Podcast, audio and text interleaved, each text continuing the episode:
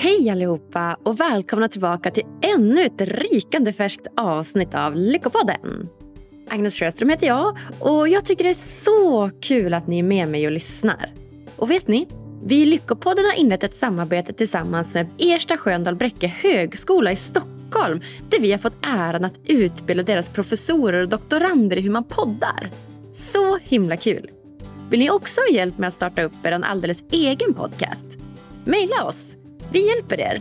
Vi har all den kunskap och utrustning ni behöver. Är du också en person som bara älskar mat? Ja, då är vi två. I det här avsnittet ska vi prata om hur mat och välmående hänger ihop. Och veckans gäst har ett fantastiskt sunt sätt att se på mat. Hon älskar att förmedla kunskap genom att se mat som en källa till glädje och lycka istället för stress, press och dåligt samvete. Hon är legitimerad dietist, föreläsare och författare med en gedigen klinisk erfarenhet från Karolinska Universitetssjukhuset i Stockholm. Hennes namn är Sara Ask och hon har arbetat tillsammans med företag som SVT, TV4 och ICA. Sara uttalar sig bara om saker där hon har vetenskapligt stöd i ryggen och menar att mat är en fantastisk källa till njutning och glädje. Jag älskar hur hon flyttar fokus från att skuldbelägga olika typer av livsmedel till att bevisa att all mat är okej, i lagom mängd förstås. Och att mat är något som hon tycker ska användas för att skapa gemenskap, njutning och samhörighet. Så himla bra! Varsågoda!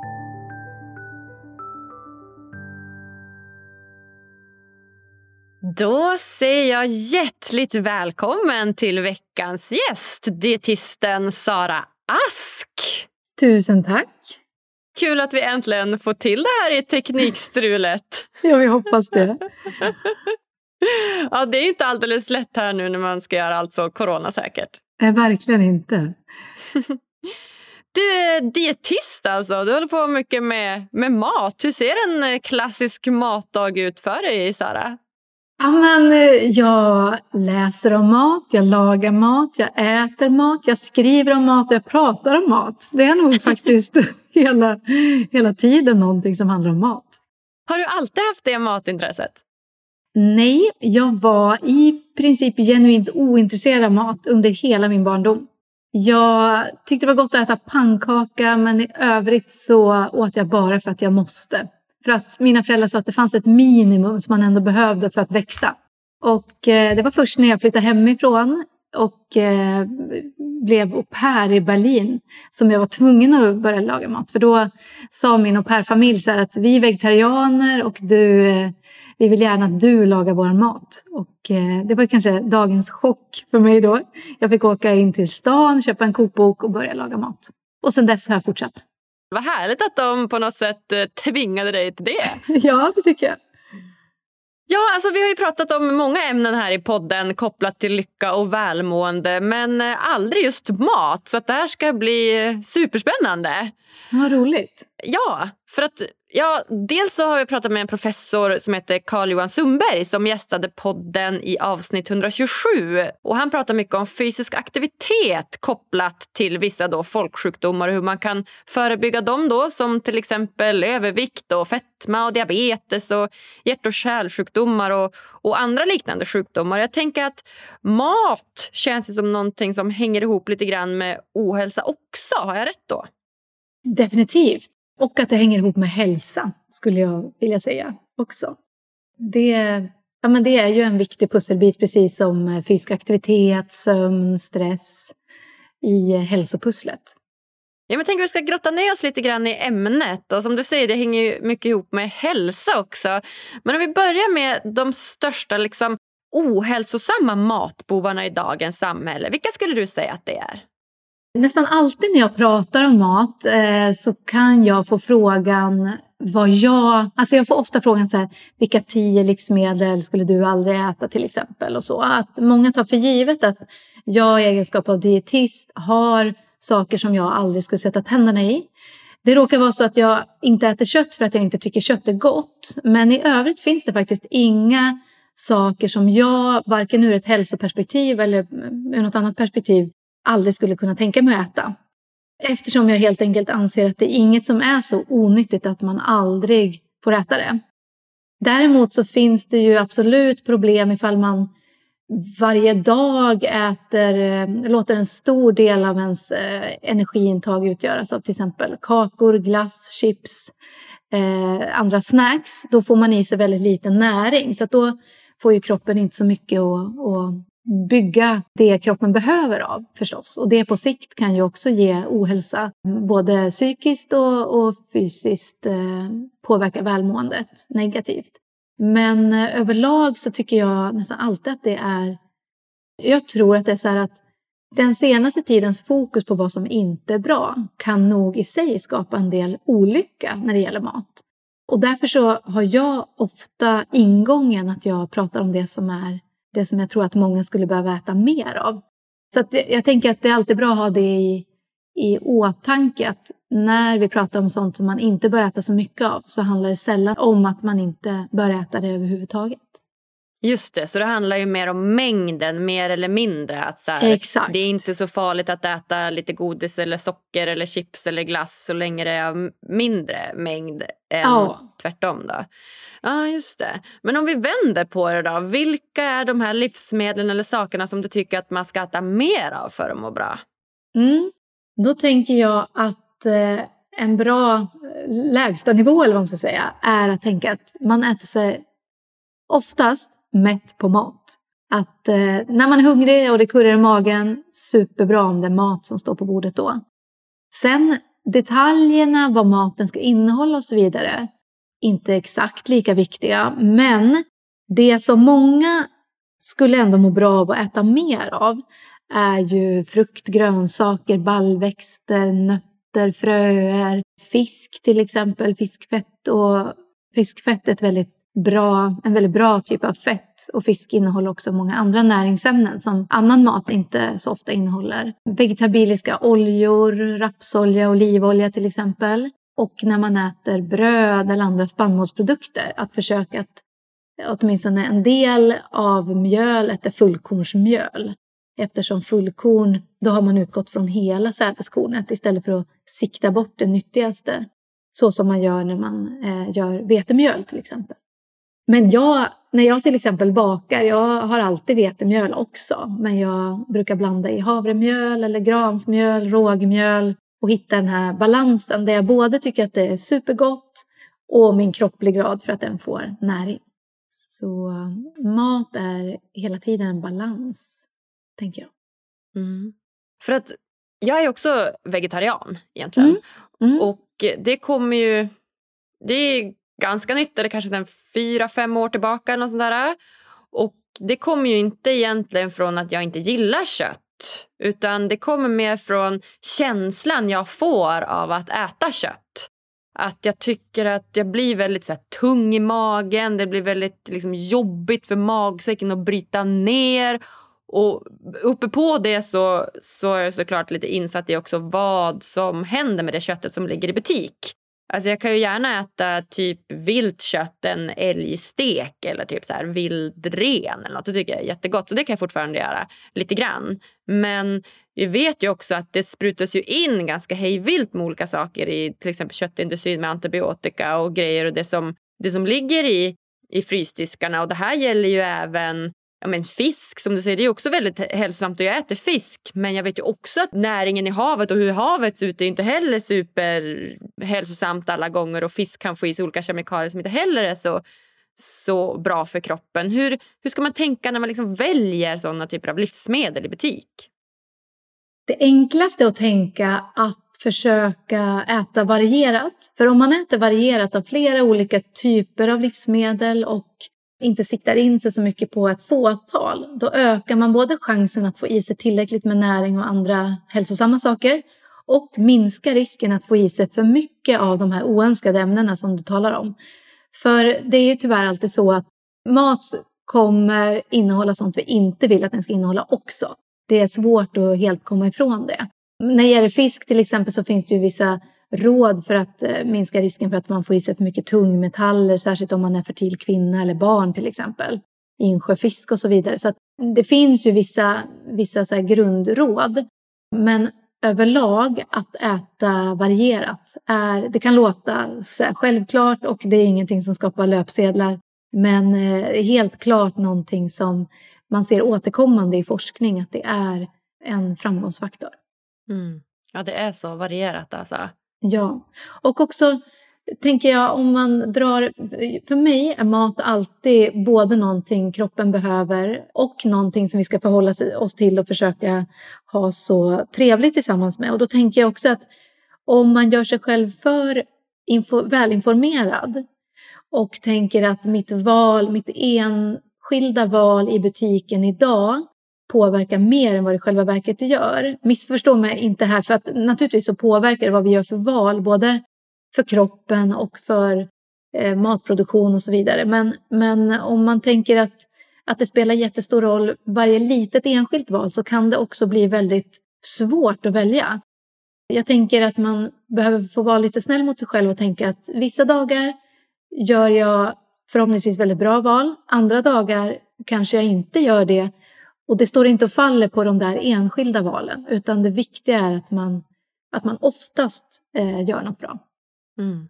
Ja men det är ju bra att man har det som en tumregel att man oftast gör någonting bra men det gör ingenting heller om man fuskar lite ibland. Nej, verkligen. Det mm. tänker jag är viktigt.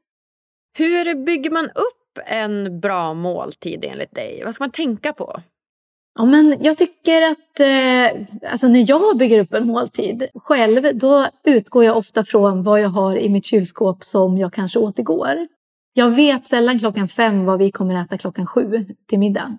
Vi äter ofta ganska sen middag. Bara för att jag vill att eh, alla ska vara ganska hungriga. Så att det liksom känns som att det är lite extra gott att äta när man är hungrig. Och eh, jag brukar vilja att det finns en eh, proteinkälla av något slag. Inte för att de flesta av oss eh, löper risk för att få proteinbrist utan för att protein mättar bra. Så om jag till exempel lagar någon pasta då vill jag gärna att det ska finnas eh, antingen eh, så här, panerad tofu till eller rostade kikärtor eller eh, jag tycker om att göra hummus till exempel med rostade sesamfrön. tycker jag är jättegott tillsammans med chilibearnaise. En Mums. härlig blandning. Ja, jättegott. Och sen så naturligtvis grönsaker i många olika former gärna. Jag har inte själv så mycket för färska grönsaker men gillar man det så är ju sallader av olika slag superbra. Men jag tänker att det också är bra att veta att grönsakerna blir inte ointressanta, alltså näringsmässigt, när man har lagat dem. När man har dem i, i den varma matlagningen. Utan flera grönsaker blir till och med lättare för kroppen att tillgodogöra sig när de har kokat lite till exempel. Men är det inte så, förlåt, det har jag hört, att när man kokar grönsaker så försvinner näringen? Mm. Det, det, det sägs ganska mycket liksom slentrianmässigt om mat som, som låter väldigt bra, så det är lätt att tänka att det där stämmer nog. Det stämmer för vissa grönsaker, för till exempel broccoli som man kokar, där förlorar broccolin en del av de vattenlösliga vitaminerna. Så att skulle man göra det enligt konstens alla regler, tillaga broccoli, så skulle man omkoka den, för då håller den näringen bättre. Å andra sidan så är det vattenlösliga vitaminer inte någonting som de flesta lider brist av. Så det har, skulle jag säga, ingen stor klinisk relevans hur man gör utan att man tillreder sin broccoli som man vill, anser jag. Och eh, där tycker jag att det som är bra är att man äter broccoli överhuvudtaget, till exempel, för att den är nyttig och innehåller många bra saker, oavsett hur man tillreder den. Men när det till exempel gäller, jag brukar ofta göra så här återkommande pastasås, är att jag steker vitlök och lök i ganska mycket rapsolja eller olivolja så att så här, smakerna får framträda. Och sen river jag i lite morötter och har över krossad tomat och låter det där puttra ihop ett tag så kanske jag rundar av med lite grädde eller, eller eh, något liknande så. Och eh, just morot och krossad tomat är exempel på grönsaker som faktiskt blir lättillgängligare för kroppen när de får koka. För att cellstrukturen förändras lite, fettet hjälper kroppen att ta upp de eh, fettlösliga vitaminerna i moroten Eh, den processning som sker av tomaterna gör att det är lättare för kroppen att ta till sig de eh, antioxidanter som finns i tomaterna. Så jag tänker att när det gäller grönsaker, samma sak där. Om man äter tillagade ibland och råa ibland. Om man varierar sig så kommer man också ha st störst chans att få i sig allt man behöver. Men att kanske det viktigaste är att man äter grönsakerna på ett sådant sätt så att man tycker att de är tillräckligt goda för att äta, gärna mycket av dem. Så att man inte sitter och pressar i sig något man egentligen inte gillar. Utan det som kommer funka på sikt är ju att välja att eh, få in vanor som man tycker är goda. För de allra flesta äter det de tycker är gott i första hand, inte det som de vet är nyttigast. Nej, det är helt sant. Det är bra där. Man ska fokusera på det som är gott och få in bra matvanor istället för det som man då ska äta eller det som är mer nyttigt. Det är en bra ja, regel. jag tänker att eh, hitta en balans där också. Bra. Så det är liksom en måltid då, som du skulle bygga upp. så. Hur ser det ut om det tar en dag? Hur, hur bygger du upp dina mål under en dag i form av tid och mängd och antal? Jag äter överlag väldigt mycket utifrån min aptit. Jag tycker om att, som jag sa, att äta när jag är hungrig för då tycker jag det är lättast också att veta när jag är mätt. Och det där kan låta väldigt självklart men vi vuxna äter oftast i förebyggande syfte snarare än när vi är hungriga. Ja, men också det här att tycker jag att det är så klassiskt den här äh, frukost, lunch, middag, kväll grejen att man ska äta liksom all, på alla jobb i princip så är lunchrasten mellan 12 och 1. Ja, ja, ja precis. Vi har väl en så strukturerad men hur ser du på det? Liksom? Du tycker mer att vi ska äta när vi är hungriga? Jag, jag, förstår ju att ur ett, eh, vad ska man säga, ur ett samhällsperspektiv när man ska enas i en skolmatsal eller på lunch på jobbet och sådär. Då är det såklart, eh, då måste man ha någon slags ram. Men eftersom mina arbetsdagar, särskilt sen coronapandemin dök upp, är jag väldigt mycket hemma och jobbar. Förut så har jag föreläst mycket runt om i Sverige och så, så då har jag varit iväg. Men nu jobbar jag nästan alltid hemma. Så då då har ju jag möjligheten att äta när jag känner att det kurrar i magen. Så det gillar jag. Jag är en frukostperson, jag tycker om att äta frukost. Det är ju inte alla som gör det. Eh, om man inte gör det så tycker inte jag att man ska pressa i sig någonting på morgonen, utan samma sak där. Känna in lite när börjar min aptit. För även om man pratar om frukosten som det viktigaste målet under dagen så skulle jag säga att den näring som vi äter senare under dagen är minst lika viktig så ifall man känner att man inte har någon aptit och att man ändå liksom funkar och kan tänka och sådär på morgonen utan frukost så är det ingen brådska med att äta den. Men eftersom jag gillar frukosten och jag gillar kaffe, jag gillar bröd gärna. Min frukost är ofta kaffe och eh, smörgås i någon form. Gärna med havre och sånt, det gillar jag jättemycket. Jag gillar att baka eget bröd för jag blir så här lycklig av doften av nybakat bröd. Det är kanske lite så här comfort food för mig.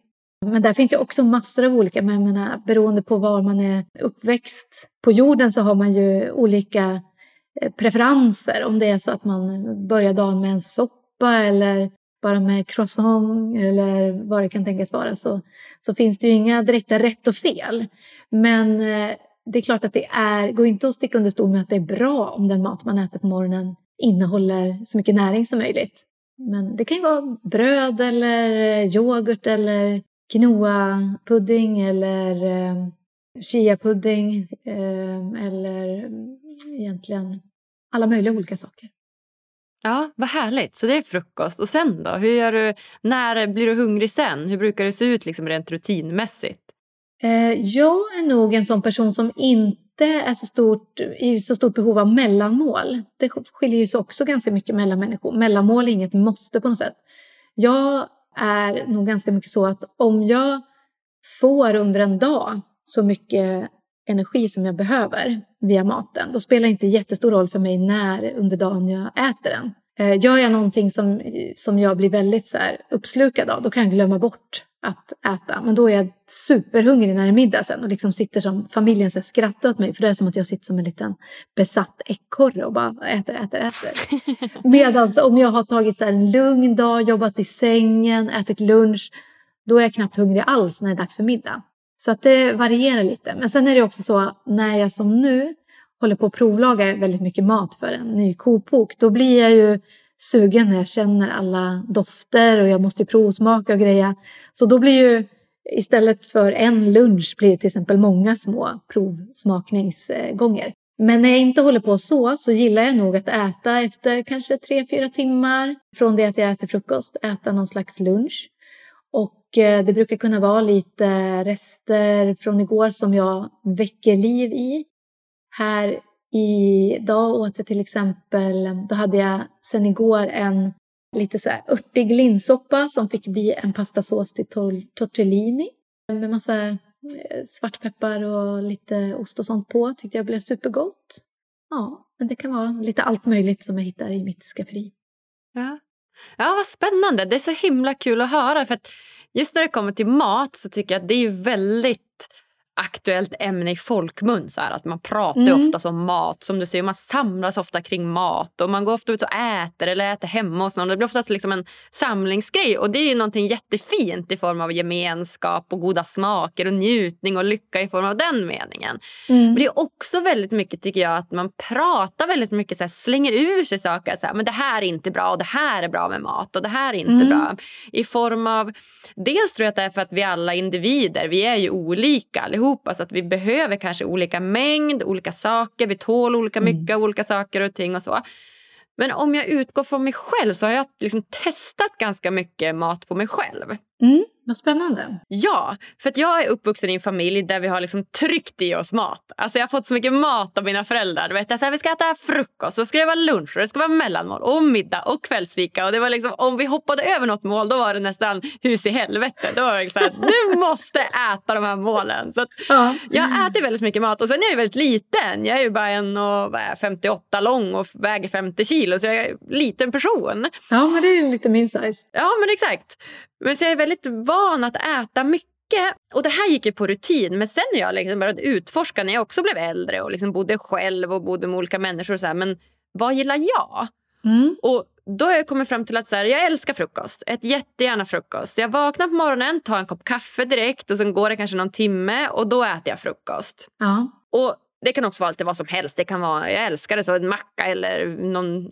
Ja, men nu äter jag lite så här chai-puddingar och lite jag äter jordnötssmör och banan och lite så olika mm, saker. Gott. Jättegott! Ja. Eh, men sen när det kommer till lunch, då är inte jag hungrig. Jag vill inte ha lunch. För om jag äter lunch, och det här har jag verkligen märkt nu när jag pluggar, för jag läser ju på 100% studier på masternivå och då märker jag att så fort jag plugg, eller äter så fort jag äter och så ska kroppen börja smälta maten då är det som att all kapacitet från mitt huvud och mitt hjärnkontor går Försvinner. ner till magen ja. och så till att smälta den här maten. När jag inte ens egentligen har varit hungrig. Och det är Nej. som att då går det kanske två timmar till att jag bara ska ska smälta mat. Ja, jag förstår vad du menar. Jag är nog aldrig så trött som typ halv två om jag har ätit en timme innan eller någonting. Bara, åh, kan somna mellan, mellan två katter. Mm. Ja, och jag har så svårt för den känslan. Jag gillar inte att vara trött. Så att jag gör ju så att jag har liksom skjutit på lunchen. Och egentligen naturligt för att jag mår bättre av det. Så det, uh-huh. det har verkligen funkat med mig. är det någon liksom generell sanning det här? Eller är det här bara något som jag hittar på? eh, nej, men det är nog ingenting som du har hittat på. Men det här är ju väldigt mycket... Jag tänker att hur vi äter i olika länder är ju väldigt liksom, kopplat till vilka traditioner vi har. Och att äta man behöver ju bara åka till Norge för att eh, inte få lagad mat till lunch. Exakt. Utan ett litet, en liten macka. Jag kommer ihåg att jag föreläste där förra året några dagar och tänkte att vilken tur att jag inte är en person som måste ha lagad mat mitt på dagen. För jag hade hungrat ihjäl bland de där norska människorna som jag jobbade tillsammans med då. Som liksom, eh, de sprang runt och vi gjorde olika saker och eh, i bästa fall så hade de en liten typ risifrutti-aktig grej fast med bryggkorn, något, något så här folkkornsaktigt ja. som var bra. De åt något pyttelitet bara. Så att eh, jag, är, jag är väldigt för att man känner just så där som du gör. Vad, vad, liksom, vad är min rytm? Vad är, vilken är min matrytm? Och är det något mål som jag själv kan ibland glömma bort så är det just lunchen.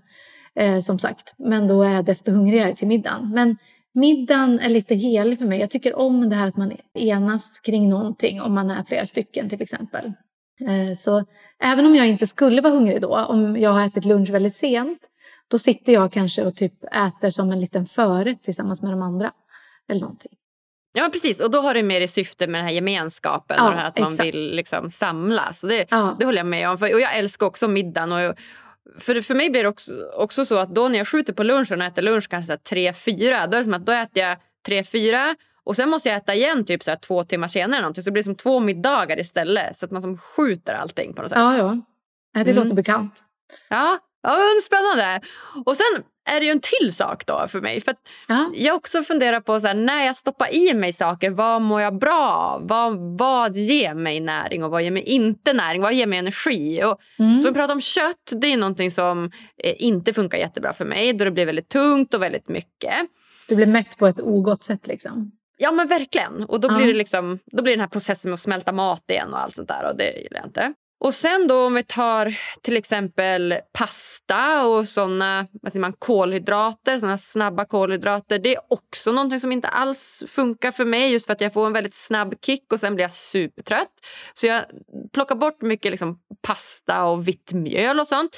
Jag äter mycket typ potatis och, och liksom rotfrukter men inte liksom pasta. Och sen har jag dessutom plockat bort laktosen för jag är lite laktosintolerant så jag äter mycket så här Oatly och sånt. Och dessutom så plockar jag bort gluten för jag tycker inte heller jag mår bra av det. Och det är som att då finns det ju inget kvar. Nej, det blir lite påvert, eller? Ja, alltså det, det blir ju bara att jag äter typ grönsaker och rotfrukter och är väldigt mycket på så här grönsaksavdelningen. Mm. Men känner du att du... Kan du liksom ändå känna att du får i dig tillräckligt med energi så att du inte går hungrig? Eh, Har du liksom tillräckligt många olika saker som du kan äta så att du känner att maten fortfarande är rolig och god? Ja, alltså jag Ja. tycker det. Ja. Jag tycker typ det. För Jättebra. det är som att jag undviker då, för jag vet, jag undviker sådana saker som gör att jag inte mår bra och jag gillar ju typ all typ av mat så att ja, egentligen funkar det typ men jag är också lite rädd att det ska vara något jag inte riktigt får i mig allt av någon Mm. näring eller någon vitamin. Mm. Alltså, jag tänker bara några saker. Dels när man eh, utesluter mjölk på grund av antingen allergi eller laktosintolerans eller för att man bara vill ut, utesluta det. Att det är viktigt att välja de ersättningsprodukter man väljer, till exempel som du sa Oatly. Att välja berikade sådana drycker så att eh, man inte tar de ekologiska. För de ekologiska är bara berikade med D-vitamin. Eh, Så då Mm. blir kalciuminnehållet i de dryckerna blir väldigt lågt och innehållet av B12 som är en viktig vitamin blir väldigt lågt. Liksom riboflavin och några andra. Men just eh, B12 och kalcium tänker jag på som viktiga. Om du inte äter så mycket kött nämligen så har du ett, ett eh, lågt intag av B12 generellt skulle jag gissa. För B12 finns i animaliska produkter. I ägg och mjölk och kött och fisk och sånt. Ja, ja men det är ju jättebra att veta. Så B12. Men, men Oatly då, när jag väljer Oatly då väljer jag ju den här klassiska havremjölken. Eh, den här eh, vita förpackningen som man har i typ kaffe och sånt. I kaffe heter den ju. Ja, i kaffe. Precis. Jag är osäker på... Eh, jag, jag vågar inte uttala mig om den är B12-berikad eller inte. Jag bara vet att de ekologiska varianterna som man väljer får inte berikas med annat än D-vitamin. Så mitt tips är att titta på det, den liksom ersättning för mjölk som man väljer och kolla, för det står på förpackningen om den är berikad med B12, kalcium, eh, riboflavin, D-vitamin och så. Och sen också tänka så här att om man äter så lite så det kanske bara är en liten skvätt i kaffet. Det vill säga, det är inte så att du står och lagar pannkaka eller dricker flera deciliter eller tar eh, någon, någon variant, alltså någon gurt, alltså någon variant till havre eller till yoghurt. Då kanske det också blir ganska små mängder och då kan också det här med B12 och kalcium vara någonting att, att se över för att vara säker på att inte få i sig för lite. För just jag spår ändå att B12-brist är någonting som skulle kunna bli vanligare eftersom det är allt fler som äter mindre eh, animaliska produkter. Men man kanske inte just tänker på att, att det här är någonting att eh, vara lite vaksam på. Och det som kan hända om man får i sig för lite är att man kan få en viss eh, typ av blodbrist som heter perniciös anemi. Som gör att man blir väldigt trött. Det är lite som att man drar ner ett eh, rullgardinen framför ögonen. Och man kanske har ett tillräckligt järnintag. Men på grund av att man inte har tillräckligt B12-intag så blir det ändå en blodbrist i slutändan. Och då kan man behöva tillskott av B12. Man kan få injektioner med B12 också ifall man har haft svårt att absorbera B12. Så, så det, det är liksom vad jag tänker på spontant. Ja, ja men vad bra. Tack snälla. Det ska, det ska jag verkligen kolla upp så att jag får i mig all eh, B12. För att Det jag tänker spontant då också är ju att som du säger, vi äter mindre och mindre kött av olika anledningar. Det är klimat och det är besprutat och vi blir väldigt medvetna i samhället idag. Och samtidigt så vet jag väl att laktos och mjölk, det är ju kanske inte heller så naturligt att dricka när man blir äldre. Som jag förstår det, det är någonting som man får då till exempel när man är liten och blir ammad och så. Men att det inte är så mycket man ska dricka när man blir äldre. Har jag rätt då? Alltså jag skulle säga så här att det är nog ingen slump att vi i den norra, på det norra halvklotet av jorden, de flesta av oss har kvar den förmågan. Eh, genetiskt så sticker vi ju ut jämfört med resten av de största delarna av resten av världen. För globalt sett så är det laktosintolerans, alltså att man inte kan bryta ner laktos, normalfallet för alla vuxna, från typ tonåren och uppåt. Medan vi här har gissningsvis behållit förmågan att bryta ner laktos även som vuxna. För att det nog har varit viktigt att kunna tillgodogöra sig långt tillbaka i tiden när vi inte hade så mycket mat här uppe för att det har inte växt så mycket som det har gjort på andra delar av, av jordklotet. Så för oss har det ändå varit naturligt men för andra på, på andra delar av eh, världen så har det inte varit naturligt. Så där tänker jag också att man väljer lite det man mår bra av. Men det är ju mer och mer fokus idag på irritabel tarm, kolon irritabile, eh, alltså IBS. Ja, IBS-magen, att den blir IBS uppblåst. Och så. Ja, ja, precis. Det är ju någonting som jag tror att många, alltså människor är ju olika när det gäller magen. För vissa är magen liksom, tänker inte på att man har en mage överhuvudtaget, man kan äta nästan vad som helst utan att någonting händer. För andra så är det liksom ett ständigt fokus för att man har olika besvär för magen.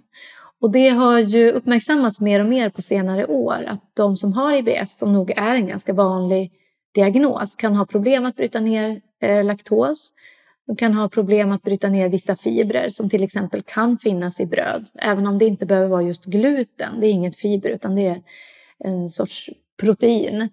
Men apropå det här som du nämnde med, eh, med, med, att du upplever att du mår bättre utan gluten så, så kan det ju vara vissa som drar den parallellen för att de slutar med spannmål och i själva verket så kanske det är olika fibrer som de har haft svårt att bryta ner snarare än att det är gluten som har varit problemet.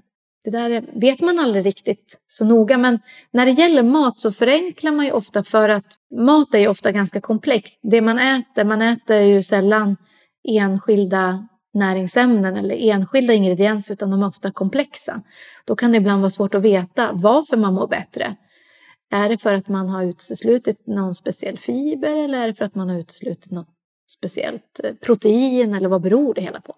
Men jag ska bara säga en sak som jag tänkte på när du sa det här med gluten. Att, alltså, det finns bra saker med att äta fullkornsprodukter. Alltså mat där man har behållit hela sädeskornet.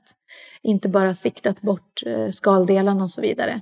Så om det är så att du mår bra av havre till exempel som inte innehåller så mycket gluten. Då skulle det kunna vara ett sätt att inte missa fullkorn fastän du utesluter eh, gluten.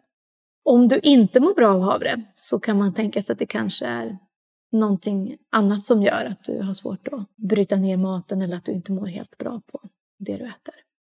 Ja, men så himla bra. Ja, för det här är ju verkligen, jag har inte gått och kollat upp det här utan det här är ju verkligen min egna liksom, teori utifrån det jag kan. Och det jag kan är ju typ laktos och gluten. Så det behöver inte vara betyda att det är just de grejerna. Men, men jag har blivit mer så restriktiv med, med det jag äter bara för att, för att må bra. Mm. Men om vi, om vi vänder på det igen då. För mm. Det är mm. lätt att liksom fokusera på det man inte ska äta för att det finns ju så himla mycket. Men finns det någonting som man ska äta för att bli lyckligare? Den forskning vi har idag visar inte att liksom, de här bären gör dig lycklig eller den här kombinationen av mat gör dig lycklig. Även om det finns eh, journalister och författare som vill få det att låta så, så har vi liksom ingen... Det finns eh, utifrån den forskning vi har idag ingenting som vi säkert kan säga så. Eh, så jag vill nog igen slå ett slag för det här att försöka fundera på det mer psykologiska planet, för mat är ju väldigt mycket psykologi också. Och jag får ju väldigt mycket både mejl och samtal från människor som tycker att det här med mat har blivit någonting som blir mer, mer jobbigt och svårt än lustfyllt. Och jag tänker att det finns dels mycket oro att eh, hitta i mat ifall man ser det som, eh, ja, ifall, ifall det blir för komplicerat. Och sen så finns det också, det finns mycket potentiell glädje, lust och njutning att hitta i maten ifall man lyckas få det lite mindre komplicerat. Och då har vi till exempel det här med, eh, jag tänker det här med vad som är nyttigt och onyttigt eller vad som är hälsosamt och inte hälsosamt. Där finns det väldigt intressant forskning som visar att när vi äter någonting som vi tror är ohälsosamt då tycker vi att det smakar godare än när vi får veta att någonting är hälsosamt.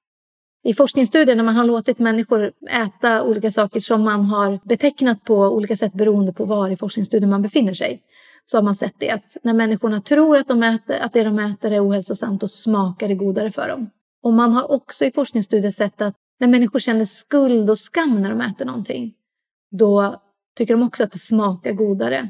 Och det kan ju göra att det blir svårare att äta lagom mycket av någonting fastän man tänker att det här borde jag inte äta så mycket av. Man kan liksom trassla in sig i väldigt besvärliga tankefällor eh, och också rent, alltså att ens psyke kan spela en ett spratt när man gör det här med mat lite för komplicerat.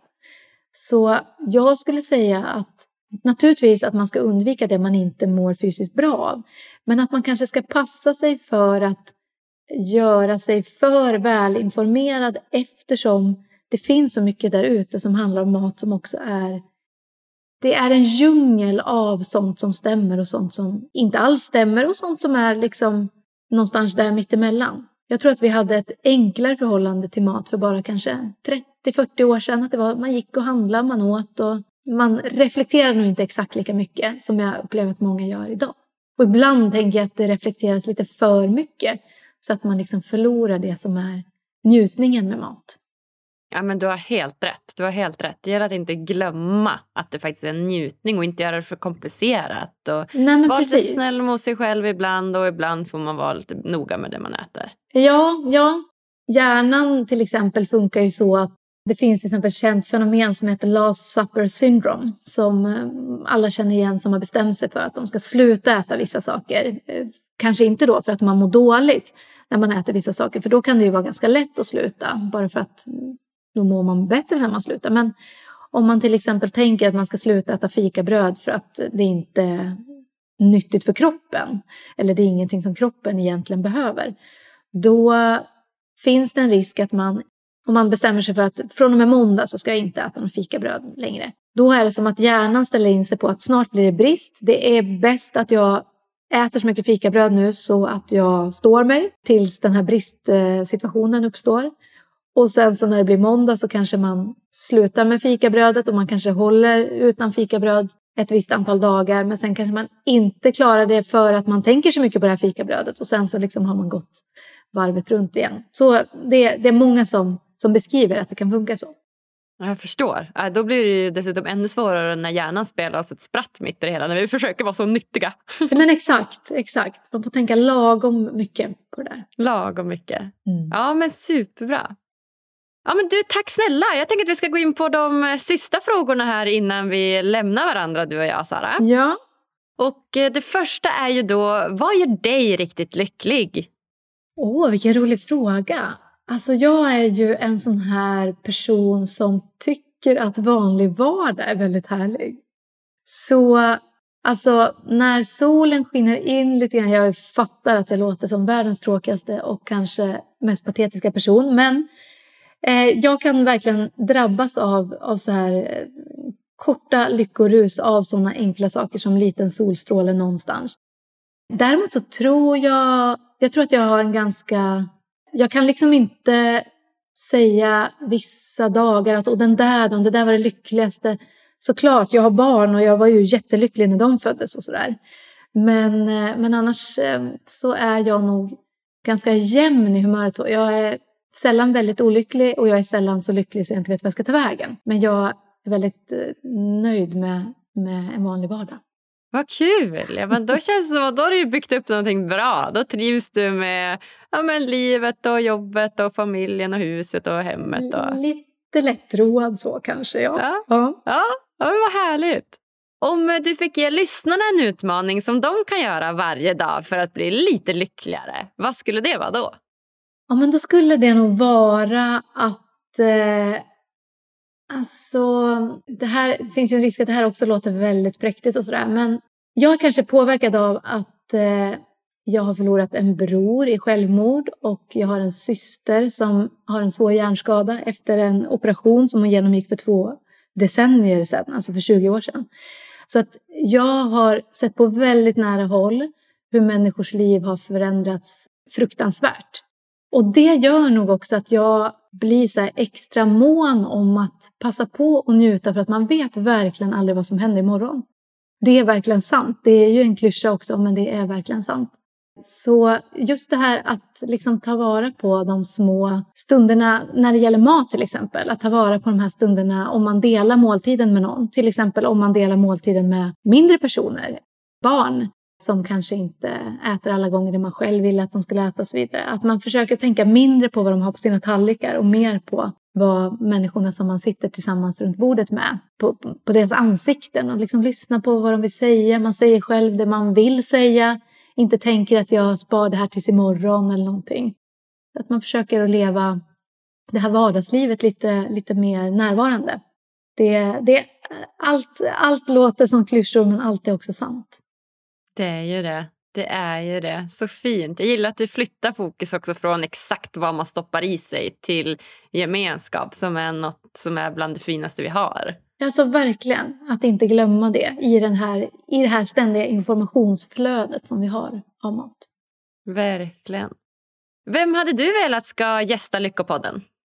Spännande. Jag är kanske inte helt uppdaterad på vilka ni har haft. Har ni haft eh, Christian Ryck? Nej. Nej, men han är en intressant person tänker jag.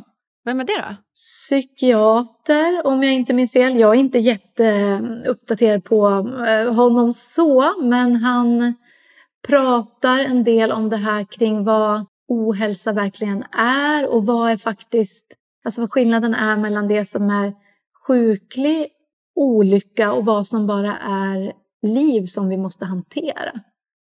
Och det tycker jag är en intressant distinktion. Apropå till exempel att man pratar om att ohälsan bland unga ökar till exempel. Och då kan man kanske ibland fundera på, är det, ja, vad är vad i det där? Spännande, ja men verkligen. Det lät ju något som mer man kan grotta ner sig mer i. Definitivt. Definitivt. Ja. Så det är spontant mitt första, mitt första tips. Ja. ja, men tusen tack. Ja, nej, om man vill komma i kontakt med dig och fråga lite matfrågor, hur gör man då? Då kan man mejla mig, sara.ask barndietisten.se är min mejladress för att jag har jobbat mycket med barn. Men jag pratar också om vuxna och jag lagar ju mat för vuxna och så vidare. Men så är min adress i alla fall. Ja, men strålande. Ja, nej, är det något slutligen som du känner att du vill dela med dig av till lyssnarna här innan vi lämnar varandra? Nej, eh, att njuta av maten. Äta något gott. Ja, vad härligt. Ja, nu är jag superhungrig för nu har vi pratat om mat så länge så att jag säger tusen, tusen, tusen tack Sara för att du ville komma och gästa oss. Tack själv, jätteroligt att jag fick komma. Men så himla bra hörni. Vad skönt att jag inte behöver ha ångest när jag ibland trycker i mig ostkrokar eller bönbågar på kvällen. Låt oss njuta av godsaker istället. I lagom mängd förstås. Tycker ni det här var lika bra som jag? Gå gärna in på iTunes eller Podcaster och ge oss så många stjärnor som ni tycker det här avsnittet förtjänar. Ni hittar oss också på alla sociala medier under namnet Lyckopodden. Följ oss jättegärna där. Och du, tack för att just du lyssnar. Vi hörs på tisdag igen. Puss och kram!